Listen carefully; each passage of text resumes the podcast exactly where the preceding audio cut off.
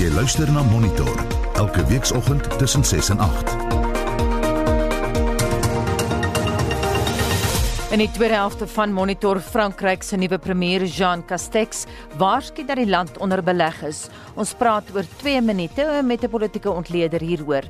Leon van Nerop is op sy pos. Maar hoe lank sal hy met die geheim kan saamleef? Wanneer al sy gewete hom in en kom geheime nie maar altyd uit nie?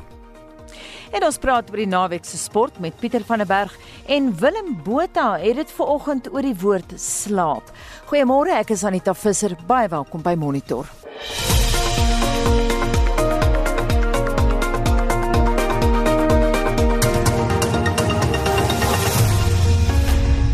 Frankryk is onder beleg, so die land se nuwe premier Jean Castex die week in die Franse parlement gewaarsku.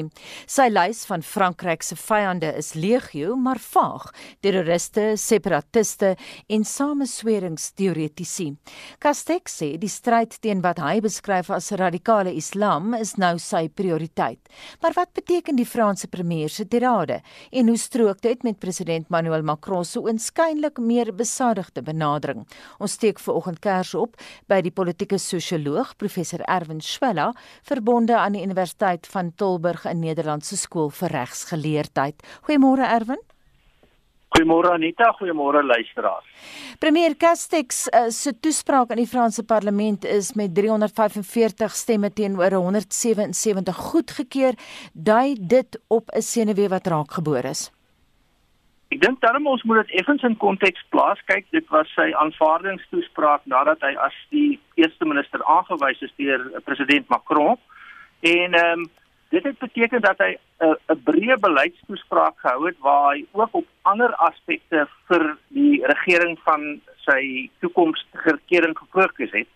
So hy het verwys ook na hierdie Islam situasie en maar hy het ook verwys na die hantering van COVID-19, die pakkette wat die Franse regering instel, die uh, um, werkloosheidsprobleme en dis die konteks is tog belangrik. Toe het hy ook verwys na hierdie situasie van uh, radikale Islam en dit is interessant dat uh, as 'n mens gaan kyk na die tendense, is dit 'n toenemende tendens binne Frankryk en in Europa en terloops uh, president Macron het ook uh, hier ongeveer in Maart uh, Februarie Maart 'n toespraak gehou met vergelykbare sentimente wat nou nie soveel publisiteit gekry het nie. So dit is 'n tendens wat aan die vestig is binne Frankryk en ook binne Europa. Ehm um, en wat mense nou van daai tendens moet maak is dit blyk dat daar eintlik toenemend kommer is en die argument wat gebruik word is om te sê dat as ehm uh, mense Islam mense, moslim mense in Frankryk kom bly of daar is, moet hulle integreer. Dit beteken eintlik dat hulle nader moet kom vir die Franse taal moet aanleer, die Franse kultuur moet opneem en dan van hulle eie gebruike as 'n minderheidsgroep minder moet maak en dan terselfdertyd uh, in 'n sekere sin word dit ingekleed dat as hulle dit nie doen nie, dan is hulle besig met 'n vorm van afskeiding of separatisme. So dis 'n bietjie konteks aan hierdie vraagstuk. Ehm um, maar mense kan dit nou verder bekyk ehm um, na aanleiding van wat jy dalk daaroor nog verder wil vra aan. Dat die woordvoerder van Frankryk se komitee vir geregtigheid vir almal ek vertaal nou na Afrikaans toe, Yassar Louati, kla 'n onderhoud met Al Jazeera oor hijab paranoia en hy sê dat moslems vir altydens die COVID inperking geteken is. Is daar tekens dat Frankryk islamofobies word? Ek dink daar's aanduidings dat ehm um, uh, in Frankryk en in ander lande in Europa daar toenemende ongemak en 'n uh, bekommernis is oor die migrasiepatrone wat uit onder andere lande, die islamlande, maar ook ander lande in Noord-Afrika kom. En dit beteken eintlik dat daar forme is van 'n uh, siening dat die dat hierdie mense kom in ons land in en bedreig ons leefwyse. Nou in Frankryk is daar byna 9% van die bevolking wat aandui dat hulle uh, die Islam geloof ondersteun. En 'n mens weet binne die Islam geloof is daar ook 'n hele aantal verskillende tradisies en uh, godsdienstige uh, uitlewing van Islam. Maar dit beteken daar is 'n wesentlike hoeveelheid mense wat die die die die die die, die geloof van eerste keuse is nog steeds die Christendom, alhoewel baie Christen uh, mense is natuurlik gesekulariseer of voormalige mm. Christen mense. Waar waar dit dan neerkom is dat die mense voel dat hier kom 'n groep mense in wat hulle leefwyse behou. Uh hulle hulle integreer nie. As hulle sou integreer, wat dan die implikasie dat hulle meer moet word soos die Franse, um, dan sou dit waarskynlik minder van 'n probleem wees. En hierdie gebrek aan integrasie koppel dan nou ook aan geopolitiese verskille oor die wêreld heen wat daar wel sprake is van ehm um, forme van ISIS radikale islam terreur en dan in hierdie soort mengsel word dit moontlik om te sê as ons nou nog politieke uitdagings het onthou net voor hierdie kabinetskommeling was daar 'n munisipale verkiesing waar die uh, regerende party van president Macron ehm um, het eintlik baie steun in die munisipale verkiesings verloor en die steun word verloor na die groen kant toe. Met ander woorde 'n soort meer linkse kant van die politiek maar ook nog steeds steun wat verloor word na die regterkant van die politiek toe. Dit wil sê na die na die regse populiste. En die implikasie is is dat dit lyk asof uh, president Macron en uh, uh, die betrokke uh, eerste minister besluit het hulle gaan moeilik die groen tendens omkeer. Mm. Die groen tendens is gefestig. So waar gaan soek jy nou politieke ondersteuning? Jy moet dit nou gaan wen by die regse populisme. Dit beteken eintlik dat die leierskap en die sentrum van die Franse politiek skuif bietjie meer na regs om regse populistiese steun te kry omdat hulle weet hulle gaan nie die groen steun herwin nie. So daar is 'n tendens hier en dit is 'n probleem wat groter gaan word eerder as kleiner oor die jare soos skaarsheid ook toeneem. Ons praat vanoggend met professor Erwin Schwella verbonde aan die Universiteit van Tilburg in Nederlandse skool vir regsgeleerdheid. Erwin in Frankryk, wie die meeste de facto mag, die premier of die president? Die president het verseker meer mag as die premier en dit is uh, natuurlik geïllustreer deur die feit dat die president 'n uh, kabinetskommeling kan aankondig en kan besluit om die om byvoorbeeld die vorige premier wat 'n uh, uh, die eerste minister wat 'n baie gewilde eerste minister was meneer Edouard Philippe te vervang. Nou daar's ook 'n interessante politieke spel aan die gang want meneer Philippe is 'n baie gewilde eerste minister gewees en het begin lyk of hy in 'n sekere sin 'n uitdager van die president kan wees in die volgende presidentsverkiesing en hy is nou vervang met meneer ehm um, Castex. Uh interessant Anita in in, in in Frankryk word die politieke elites voorberei by die École Nationale d'Administration mm -hmm. die ENA en hulle word dan ook soms genoem die enarks nou hierdie mense is almal enarks so hulle is deel van die politieke elite en in hulle eie geval is hulle al drie van dieselfde politieke party maar um, om jou vraag pertinent te antwoord die president kan dus vir sy eie politieke redes kan hy die die eerste minister vervang en 'n kabinetskommeling aankondig Ehm um, en dan gaan die regering verander. En dis wat president Macron gedoen het hier en hy het definitief baie meer mag en as uh, meneer Castex soos meneer Philippe hom sou uitdaag of van die alternatief nie sy werk doen nie, dan kan hy ook baie gemaklik en gerieflik sonder veel probleme van die betrokke eerste minister en sy en sy uh, ministers ontslaa. Erwin die Oostenrykse prins Clemens von Metternich het reeds in die 19de eeu gesê As Frankryk nies, dan kry Europa verkoue. Wat is die implikasies vir die res van Europa indien premier Castex se sentimente deur die meerderheid van sy landgenote gedeel word? Wel is duidelik dat premier uh, Castex hier ehm um, en, en en soos jy in die in die so genoem het, die is tog wel 'n senuwee wat op 'n manier lewend is. Daar is angste en vrese binne Frankryk en dis nou interessant as mense kyk dat hierdie nuus verkoue analogie ehm um, waarskynlik is daar aanduidings van 'n infeksie deur die deur die hele Europa wat wat hierdie soort van verskynsel bevestig. Daar is in Europa toenemende vrese en probleme waar mense sê maar ons leefwyse, ons Europese leefwyse wat ons oor honderde of duisende jare ontwikkel het wat uiteindelik gekom het by 'n sekulêre staat en 'n en 'n demokratiese westerse staatsvorm kan bedreig word deurdat ons hierdie immigrasie het verloops uit lande wat ons vroeër gekolonialiseer het, so in 'n sekere sin kom hierdie mense maar net terug huis toe. So daar is nog ehm um, eintlik 'n bietjie van 'n terugbetaal van die koloniale skuld. En dit wys dan ook in wat ons toenemend sien in die Europese parlement en ons ek en jy het 'n uh, jaar of twee gelede gepraat oor die verkiesingsuitslae, mm. is daar wel aanduidings van skuwe na regs. Populisme onder toestande van skaarsheid word gewilder by mense. Mense sê hier's minder dinge vir ons verkrygbaar. Nou kom hier 'n klomp ander mense in, hulle bedreig ons leefwyse en hulle gaan gewoon ons geleenthede van ons wegneem.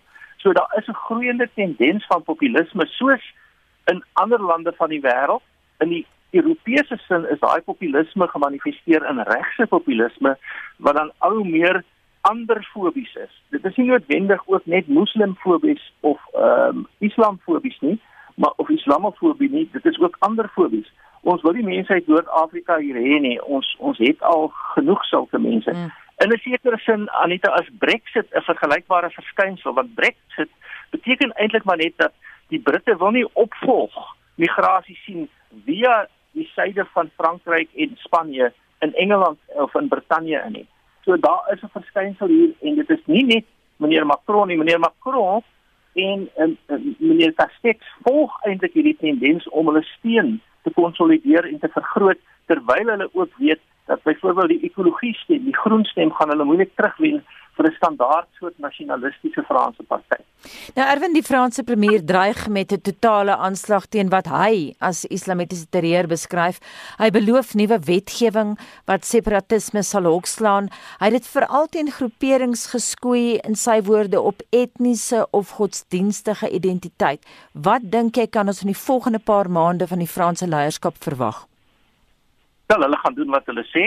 Ehm um, hulle het aangekondig dat hulle ehm um, gaan wetgewing instel om hierdie tendens wat hulle dan nou noem separatisme en soos ek verduidelik het wat dan eintlik beteken dat hulle sal verwag dat mense meer moet integreer in die samelewing.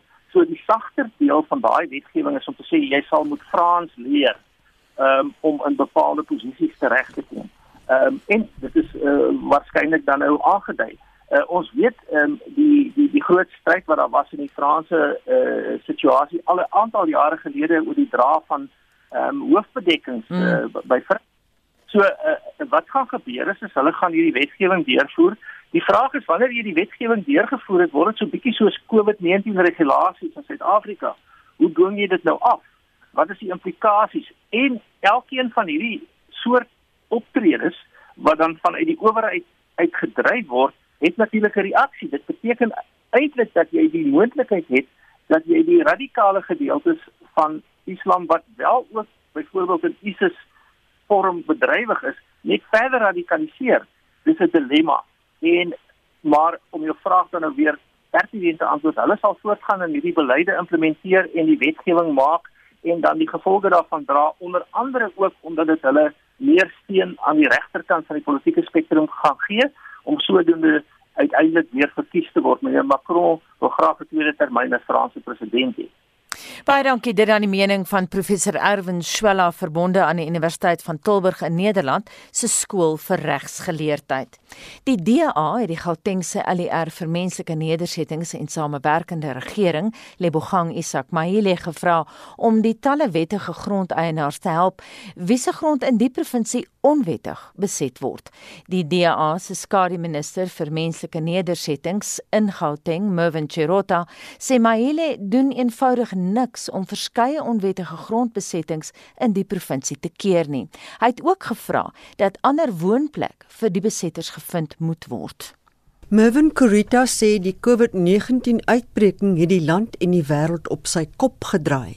We understand the difficulty with the lack of accommodation and a, a proper right for individuals to live in a proper environment with housing. However, the illegal invasion process is very disruptive. It interferes with landowner's rights. It creates a situation where lawlessness takes over. And unfortunately, the NEC is taking no steps to stop this process. Sirota sê regstreekse ingryping is nou nodig om die vergrype te stop. To stop these invasions and to find a way to to find accommodation for these individuals which he's promised to do by de-densifying and putting up temporary residential areas for individuals across the board to deal with the virus. So the two should work in tandem. If this lawlessness is allowed to continue, we're going to have a situation with a lot of frustrated people. It's going to create a lot of tension and from the DA side trying to prevent this. Hy beweer dat daar net gepraat word, maar niks gebeur nie. However, MEC Maele continues to claim that he has his finger on the pulse. He unfortunately talks a lot more than he acts, and we are calling upon him immediately to take steps of intervention to protect the landowners, to prevent the land invasions, and to provide alternative accommodation. So there's a balance across the board where we want to ensure that land rights are protected, we want to stop the invasion, but we also want to ensure that residents who have nowhere to live are provided with a meaningful and at least temporary accommodation. Volgens Rota is daar verskeie gebiede waar grond onwettig in Gauteng beset word by hom aangemeld. There are areas in Scuba Plus and Flak Plus in Centurion, portions 45 and portion 6 of JR 354. In the Elandsfontein, there are legal invaders. And I'm getting reports also in Johannesburg as well from Malaysia and, and Eldorado Park areas that the invasions are taking place as well. So there needs to be a concerted approach, not only in the Swanee municipality, but in Johannesburg as well. And the MEC needs to very quickly rise to the plate and deal with the problem. Mervin Srota is 'n DA skademinister van menslike nedersettings en tradisionele sake in Gauteng. Die departement van menslike nedersetting en tradisionele sake het nie gistermiddag op Monitor se navraag gereageer nie. Mitsi van der Merwe, SAK nuus. Die Tafelberg Kabel Spoormaatskappy se sogenaamde Class in the Clouds opvoedkundige program het 'n nuwe baadjie gekry. Die program wat hom op die klaskamer toespits, is nou aangepas om aanlyn gebruik te word. Jou kind kan nou virtuele toere bo op die berg saam met sy of haar klas ervaar in die gerief van jou huis. Die Kabelspoor se bestuurende direkteur, Wahida Parker, het die besonderhede hieroor met Marlenae Forsie gedeel. Om gevoel van besorgdheid vir die omgewing te bewerkstellig, moet mens eers 'n liefde vir dit kweek. Sodra ons 'n liefde vir die berg gekweek het, glo ek werklik dat die jeug na alle moontlikhede sal gaan om die natuur te beskerm en te bewaar. Wat behels die Class in the Clouds program? Die Class in the Clouds program bied leerders en hul onderwysers 'n geleentheid om die klaskamer te verruil vir 'n prettige dag van interaktiewe opvoeding bo-op die berg.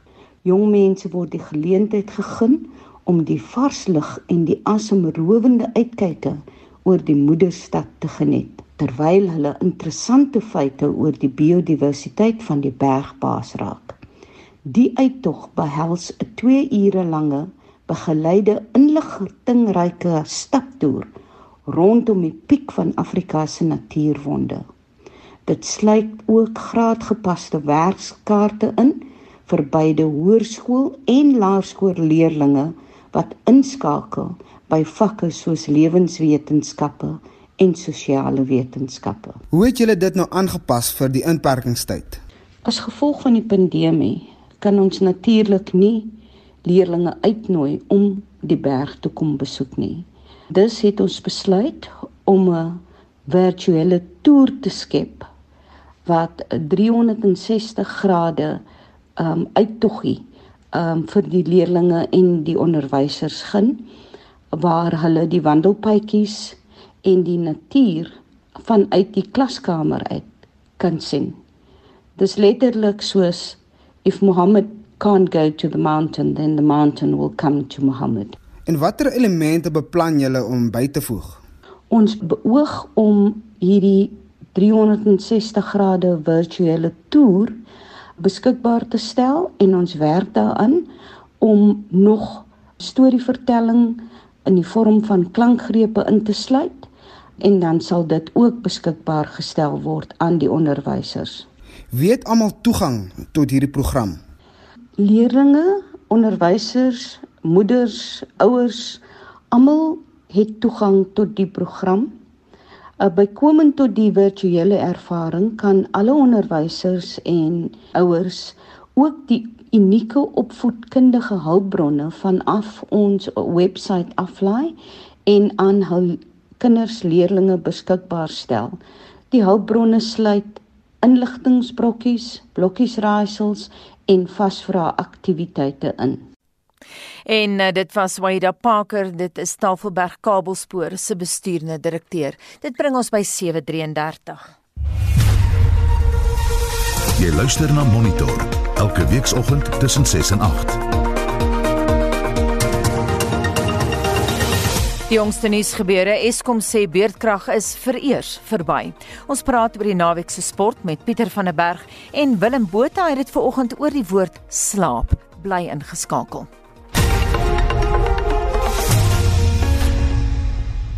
Jy het dit dalk reeds vermoed. Jou keuse van 'n troeteldier sê baie van jou persoonlikheid. Kom kuier Saterdag saam op Kat en Hond wanneer ek Lisma van Sail met twee bekendes praat, een 'n kat en die ander 'n hondmens. Hannes en Margriet, albei van Wyks, vertel ons van hulle spesiale band met hulle dierekinders en ons hoor wat kenners sê wat jou voorkeur, kat of hond, van jou persoonlikheid weggee. Kat en Hond word Saterdagoggende 12:30 hier op RSG uitgesaai. Luister elke weekoggend om 10 oor 9 in Alou Becker na Katrina vertel. Met Katrina het Rihanna Skeepers 'n onvergeetlike karakter geskep wat almal in Suid-Afrika laat lag het vir onsself. En nou is die onstuitbare Katrina terug met meer kwinkslaa in stories hier op RSG. Voorgeles deur June van Merch.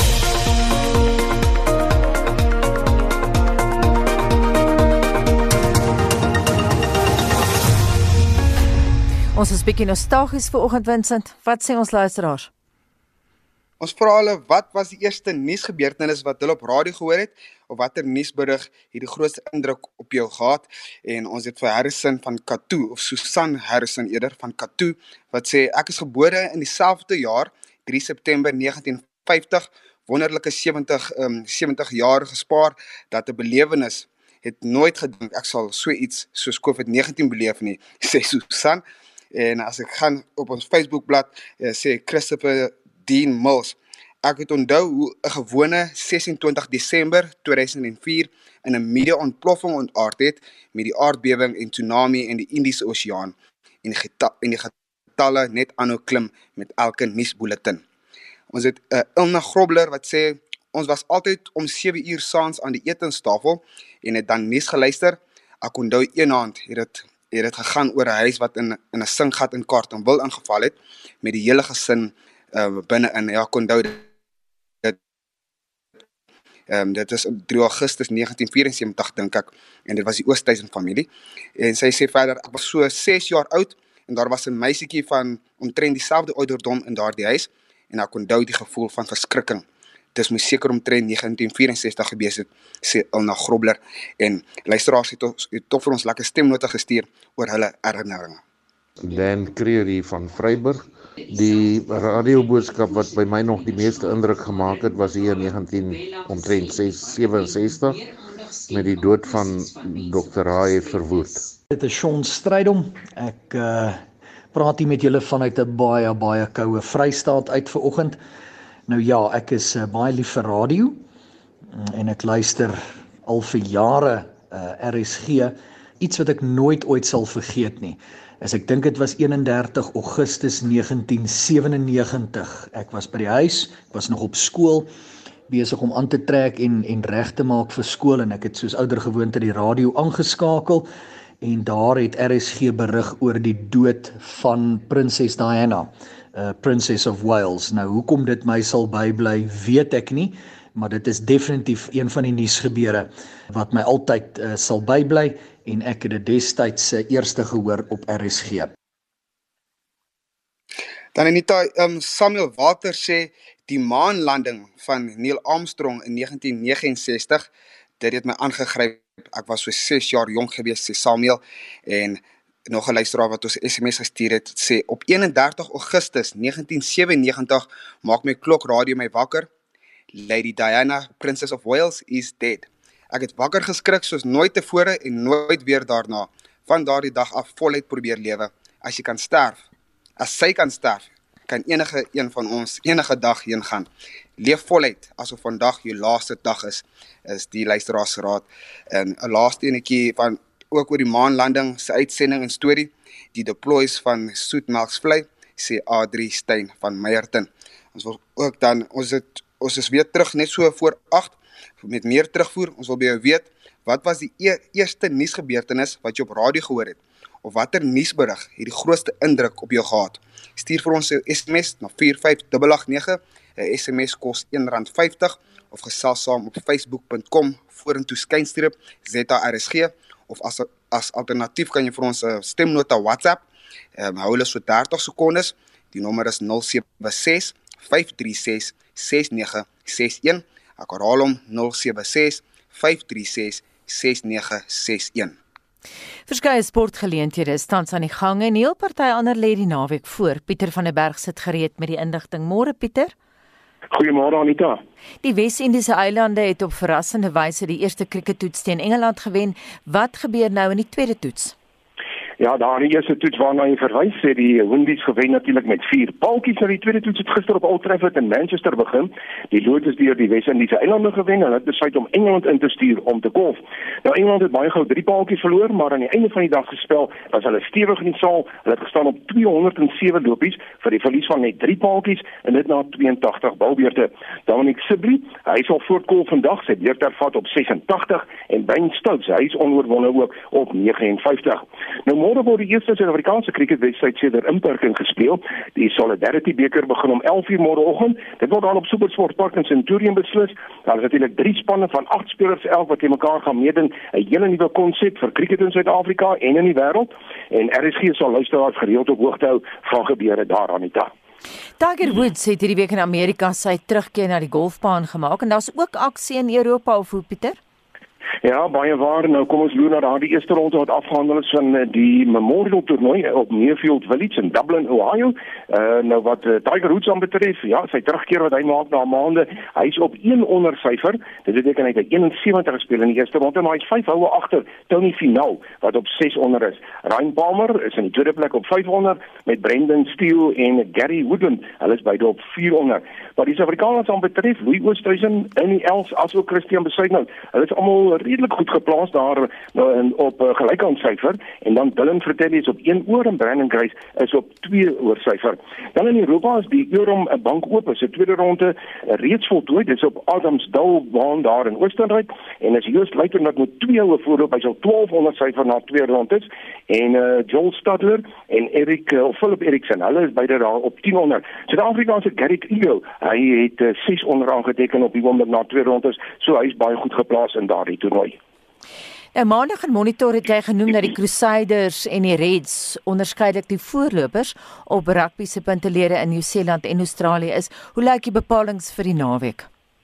Ja, kom ons maak eens 'n draai in die Seeland, daar in die ou Tiria kompetisie is dit die Hurricanes en die Blues wat môre om 5 minute oor 9 kragte meet. Die Hurricanes is derde op die punteleer, die Blues is daar in die tweede plek.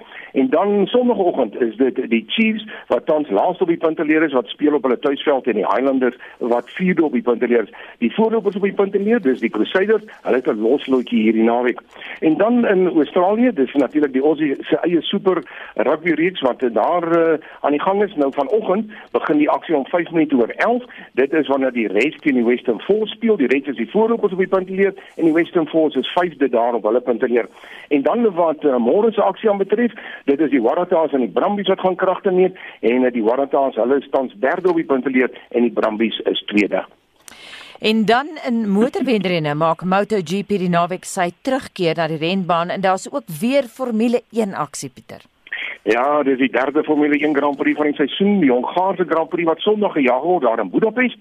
Nou die wedren sal om 10:03 Suid-Afrikaanse tyd begin. Vandag is daar twee oefensessies wat plaasvind, môre die derde en dan natuurlik ook die kwalifikasie wat afhandel sal word. Op die huidige punteteler daar is Valtteri Bottas in sy Mercedes die voorloper op 43 punte, Lewis Hamilton in die ander Mercedes tweede op 37 en Lando Norris op in 'n McLaren is daar op 26 derde. Die Ferrari van Charles Leclerc, hy staan daar in die vierde plek met 18 punte. En dan baie interessant vir Suid-Afrika, die motorfietswedrenne, soos jy noem, is ook weer terug. Dit is MotoGP se eerste ren wat uh, Sondag gejaag word. Dis die Spaanse Grand Prix. Nou Suid-Afrika se Brad Binder, hy maak sy buiging in MotoGP en dis op sy Red Bull KTM en daardie wedren begin om 2 uur Suid-Afrikaanse tyd. Die oefenrondes word vandag beslis en môre sal die kwalifikasie plaasvind en daar is natuurlik uh, drie afdelings waaraan mee gedink word. Dis MotoGP, Moto2 as ook in Moto3 Anita. En in sokker is alle oor die naweek op die FA Cup of die FA beker of wat ook al jy dit wil noem Pieter. Daar is hmm. egter ook ander wedstryde geskeduleer.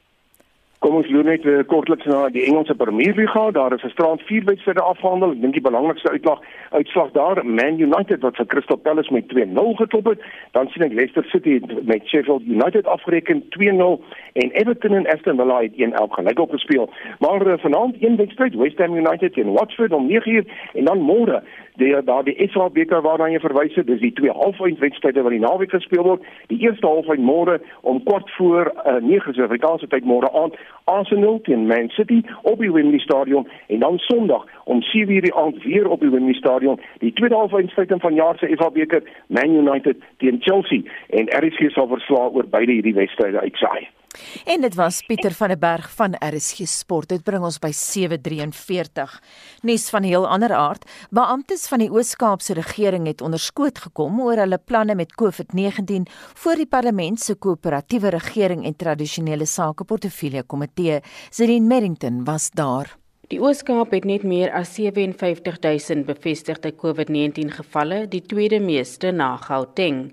Amptenare sê hulle maak goeie vordering om te verseker hospitale en skole is gerad om die virus te beveg, maar LP soos Hanif Hussein het nie saamgestem nie. When you look at the uh, uh, the reality of what's going on, the pictures as you're seeing them on the screen now is exactly from the hospitals in the Eastern Cape. But yet, when you have the leadership of that municipality, uh, of that uh, province that comes to Kokta to give us a presentation of what's actually going on, they paint a very different picture in reality. And the people on the ground in the Eastern Cape are the ones who are actually suffering the lack of leadership from this uh, from from this provincial leadership that's here before us. Die provinsie maak hoofopskrifte vir korrupsie rondom COVID-19 aangeleenthede. Onder andere word die kommissie van 'n COVID-19 bewustheidsveldtog ter waarde van 4.5 miljoen rand ondersoek, sowel as 'n gastehuis wat vir isolasie gebruik sou word wat na bewering bande het met die LER van vervoer. Maar die direkteur-generaal van die provinsie, Mbulelo Sogoni, sê die verslag oor die ondersoeke is nog nie beskikbaar nie. Work that is being done by way of investigations insofar as uh, COVID-19 uh, procurement is concerned is is work that was assigned to the provincial treasury to use their forensics capacity to conduct the investigation there is not a report yet that has come through that investigation Die vermorsing van geld met die aankope van motorfietsse wat vir die vervoer van pasiënte gebruik sou word, is herhaaldelik deur LPS geopper. Die gesondheids-LER Sindiswa Gomba het hulle verseker dat daar geen vermorsing of korrupsie betrokke is nie. Is by no means an area of corruption. And it is unfortunate that is seen as such. There's not even a cent that has gone out of the department. I want to start with that first. That whilst people have actually thought it's a corrupt practice, money has been spent, they are free to go and inspect our books and look at charges and look at what has been paid. There is not a cent of that money paid. Die DA het gevra dat die provinsie onder administrasie geplaas moet word, maar die LER vir samewerkende regering, Kolile Ngata, meen dis nie nodig nie. At this point, I, I'm quite convinced that uh, we are not a candidate for Section 100. We are a candidate for more support, which we are appreciating. We are getting, uh, you know, from, from, from the national government. Requested uh, soldiers to be sent by the president. The president has, has identified 70 medical practitioners who are now deployed in the province. Dit was die LER vir samewerkende regering Kolile Ngata in die Oos-Kaap. Celine Merrington, Parlement. Voedselsekerheid het 'n saak van groot kommer geword vir miljoene families reg oor Suid-Afrika. Die situasie word deur die voortsleepende Grendelstaat vererger. Die ekonomie is kwai geknou en dit het deurgesypel na hongersnood. Die Nelson Mandela Jeugsentrum in Chatsworth, Durban, voorsien daagliks honderde maaltye aan diegene in nood. Hulle doen so voort as deel van die 67 minute van diensbaarheid op Mandela Dag. Essie de Klerk doen verslag. It really brought us to our knees, and we're at the point where we actually didn't have even a slice of bread. John is 'n enkelpa van 2 en hy sien om na sy terminaal siek ma. It was and it is not easy because we got to provide food, we got to obviously pay your water and light bill. I got kids. John woon in die uitgestrekte kosmopolitaanse Durbanse voorstad Chatsworth. Tussen die weelderige herehuise is afdraaipaaie na informele nedersettings. Die gemeenskap hier reflekteer 'n reënboognasie.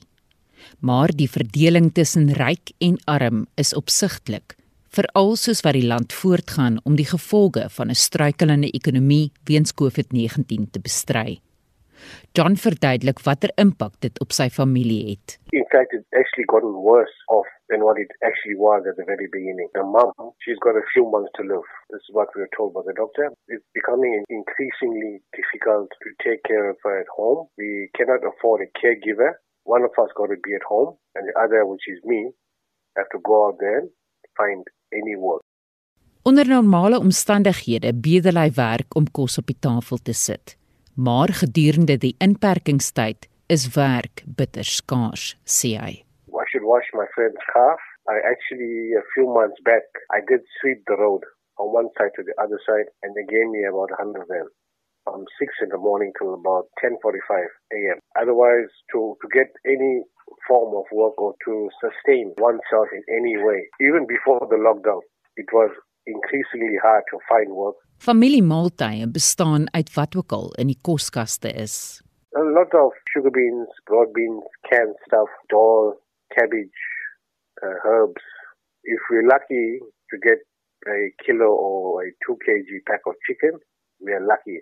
We'll be even more lucky if we get a small parcel of mutton. And the other day she asked for mutton curry. But I can't do it. Where must I get it from? I can't go and ask the neighbor, hey, please, neighbor, can you give me a kilo of meat my mom wants? How embarrassing is that? I don't ask neighbors, I don't ask anybody. If I do not have it, I make do with those things. Soos talle ander in die Chatsworth gemeenskap het John uitgereik na die Nelson Mandela Jeugsentrum vir hulp. Wyle oud-president Nelson Mandela het die sentrum in 2003 geopen nadat 13 kinders tydens 'n stormloop in 'n nagklub in die omgewing dood is. Die sentrum bied hulp aan drank- en dwelmverslaafdes in die gemeenskap en bied ook verskeie gemeenskapsuitreikprogramme aan. Sedert die begin van die Grendelstaat gee hulle daagliks kos aan honderde honger mense, sê die sentrumkoördineerder Clive Pillay. Over the 10 weeks that we've been feeding, we've just realized the need is just getting greater and greater. The lines get longer and longer. And the people that are first in the line are children. Hundreds of children come and stand in these lines to be fed. I mean, the saddest part is when you feed and there are still people standing in the line and, you, and you your food is finished. That's the saddest part. And we're starting to experience that now. So we're starting to cook a lot more every day when we go into all the different areas. The lockdown has created a lot of unemployment and people are absolutely desperate. They're actually crying out for help. Bely sê verskeie donateurs skenk kos wat hulle in die gemeenskap uitdeel. Every day we feed about 5 to 600 people in different communities. We feed in the Bangladesh area. We go into Welbidat. There's quite a few areas in Welbidat. There's an area called Progress that's right down towards Verna Park. I mean, one of the areas that we've found absolute poverty is in Malagasy. I mean, I know Malagasy has always been a very poor area, but now the situation is a lot worse. Die sentrum het jaarliks 'n papierdag veldtog. Deelnemers versier die papiersakke met aanhalings en tekeninge van Madiba en die sakke word dan gevul met noodsaaklike items. This year we're saying that there are a lot of people that are hungry out there and we want people to put groceries into those paper bags and give it back to us. So all you have to do is contact the youth center. We'll give you paper bags you decorate it with Madiba images, quotations, or anything, and then you fill it up with, with groceries and give it back to us and we'll distribute it. Die Nelson Mandela Jeugsentrum in Chatsworth sê Suid-Afrikaners kan Madiba se nalatenskap eer deur 'n maaltyd aan iemand in nood te skenk. Hierdie verslag is saamgestel deur Genevieve Lanka en ek is Estie de Klerk vir SAK nuus. 752 en hier is Leon van der Rop met sy weeklikse fliek rubriek. Dikwels WhatsApp mense jou vriende nadat jy die eerste episode van 'n opspraakwekkende reeks gesien het met die woorde jy moet dit sien, gevolg deur 'n glimlaggende emoticon of emoji. Dit is van toepassing op die skouspelagtige reeks Das Boot, geïnspireer deur die Duitse rolprent van 1985 en dis in Duits met Engelse byskrifte. In die TV-weergawe daal ons aanvanklik saam met 'n groep jong Duitse seemanne gedurende die Tweede Wêreldoorlog na die bodem van die see.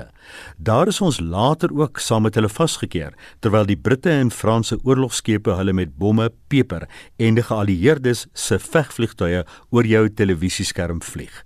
Natuurlik gaan dit nie net oor Wiesen in die oorlog die grootste is nie, nog minder vind dit net op die water plaas, maar die suster van een van die seemanne moet 'n geheime boodskap aan 'n vrou aflewer. Maar dinge loop skeef, nie alleen in Berlyn nie, maar ook onder die see.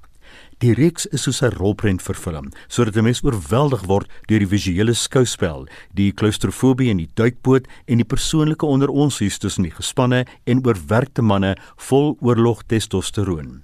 Das boot op Showmax verg dalk konsentrasie, maar enige luisteraar wat van oorlogflieks hou, wees daarvan bewus jy kry tans 'n beter reeks oor 'n oorlog as Britannia nie waaroor ek verlede week gepraat het en nou Das boot. Albei is op Showmax. Hierdie een kry 8 uit 10 Das boot. Soos die titel dalk aandui, is hierdie reeks nogal angswekkend vol neurotiese paranoia. Waar Das Boot wat onder water afspeel, 'n mens ook beklem laat voel, is hierdie reeks dalk vreesaanjaend en natuurlik word daar heerlik oordryf. Daar was reeds 2 seisoene, dus as jy na reeks 1 en 2 gekyk het, mag jy nou nommer 3 wat 'n maand gelede op Netflix begin het, net soveel geniet. Of dalk betower reeks 1 jou sodanig dat jy na al 3 reekse sal kyk. Reeks 3 van Dark neem die storie verder. Dit speel in 'n Duitse dorpie af waar twee kinders verdwyn. Het 'n misterieuse gapende oop grot hulle ingesluk. En presies wat is in daardie grot? Maak mense tydspronge sodat hulle deur verskillende dimensies beweeg na 'n alternatiewe werklikheid soos in Stranger Things, 'n Amerikaanse reeks, of is daar meer sinistere magte aan die werk? Terwyl daar na die kinders gesoek word, kom persoonlike demone, asook die gruwels van die hele paar families na die voorgrond. Dark word net aanbeveel as jy van byderwetse, grillerige en bonatuurlike reekse hou. Ek het dit te dik vir 'n daler gevind en te veel so Stranger Things en baie ander soortgelyke reekse. Mens voel jy het dit alles al gesien. Dark 6 uit 10 op Netflix. Indien jy smag na ligter vermaak waar 'n ramp die aarde tref sonder dat iemand daarvan bewus is, mag jy jou gante uitgeniet met Yesterday. Ja, die titel suggereer reeds dat dit dalk iets met die Beatles te doen het. Die storie is vergesog en dikwels skreeu snaaks maar vermaaklik. 'n Soort elektriese stroom of ander wonderwerk tref die aarde sodat almal sekere ikoniese herinneringe vergeet. In Yesterday se geval vergeet alle mense op aarde behalwe een mislukte musikant dat die Beatles ooit bestaan het. Die ouetjie onthou hulle liedjies en begin dit een na die ander se eie voordoen. Natuurlik verander hy 'n superster, want moderne mense word ewenigs oorweldig deur hierdie onsterflike en klassieke rocktreffers en ballades. Kan hy daardie roem hanteer? Yesterday het ook 'n liefdesverhaal wanneer die sanger mee lewend en oorbluf gespeel deur Himesh Patel se verloofde, die pragtige Lily James, nog meer van hom dink nadat hy die spesiale musiek skynbaar net vir haar komponeer. Maar hoe lank sal hy met die geheim kan saamleef? Wanneer al sy gewete hom in en kom geheime nie maar altyd uit nie. Yesterday deur Danny Boyle nou op Showmax sal jou vir 100 minute uit jou hart laat saam sing 7 uit 10. As jy die resensies wil lees, gaan na erisg.co.za en klik op fliek rubriek onderaan die bladsy of soek na vorige resensies deur onder vorige flieks op fliek argief te klik en die naam van die fliek in te tik. En so sê Leon van Nierop Vermy stimulante soos alkohol, nikotien en kafeïn as jy goed wil slaap, aldus 'n berig in Sondag se rapport. Daarom praat die hoofredakteur en uitvoerende direkteur van die Woordeboek van die Afrikaanse taal, Dr Willem Botha, vanoggend oor die woord slaap.